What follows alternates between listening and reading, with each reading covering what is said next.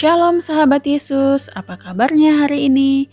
Semoga sahabat Yesus semua dalam keadaan sehat dan selalu bersemangat.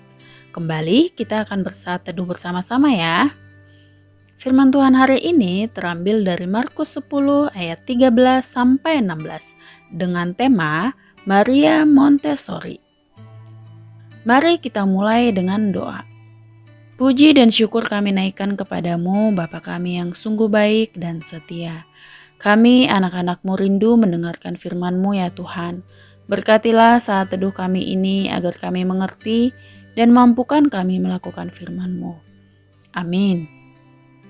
Sahabat Yesus, mari kita bersama-sama membaca firman Tuhan dengan bersuara. Markus 10 ayat 13 sampai 16. Yesus memberkati anak-anak. Lalu orang membawa anak-anak kecil kepada Yesus supaya ia menjamah mereka. Akan tetapi murid-muridnya memarahi orang-orang itu. Ketika Yesus melihat hal itu, ia marah dan berkata kepada mereka, Biarkan anak-anak itu datang kepadaku, jangan menghalang-halangi mereka, sebab orang-orang yang seperti itulah yang empunya kerajaan Allah. Aku berkata kepadamu, Sesungguhnya barang siapa tidak menyambut kerajaan Allah seperti seorang anak kecil, ia tidak akan masuk ke dalamnya. Lalu ia memeluk anak-anak itu dan sambil meletakkan tangannya atas mereka, ia memberkati mereka. Demikian firman Tuhan. Sahabat Yesus, adakah yang sudah tahu cerita mengenai Maria Montessori? Siapa ya Maria Montessori itu?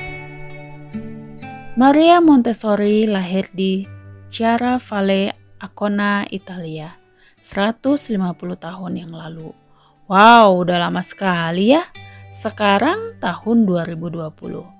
Berarti lahir pada tahun 1870.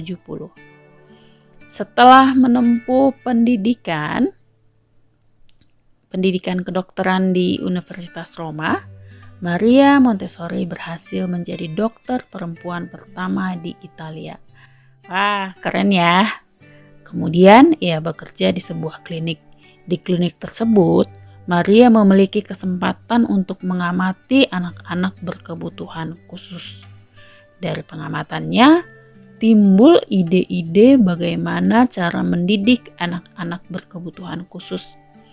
Ide Maria terus berkembang hingga akhirnya ia mendirikan sebuah rumah singgah untuk anak terlantar yang berusia 3 sampai 6 tahun bernama Casa de Bambini. Di sana, anak-anak belajar menggunakan metode pendidikan yang ditemukan Maria. Mereka belajar dengan gembira. Sampai hari ini, metode pendidikan Maria Montessori terus tersebar dan dipakai banyak orang untuk membantu anak usia dini belajar.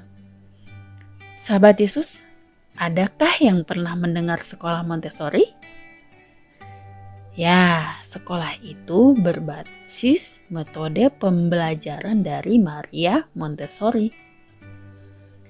Nah, sahabat Yesus, dari firman Tuhan hari ini, kita belajar bahwa Tuhan Yesus memberkati anak-anak dan Tuhan Yesus memakai anak-anaknya untuk menjadi saluran berkat untuk menolong anak-anak lainnya.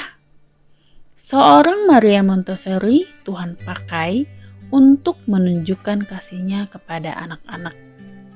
Yuk, sahabat Yesus, mari menjadi saluran berkat dengan melakukan perbuatan baik kepada orang lain. Mari kita berdoa.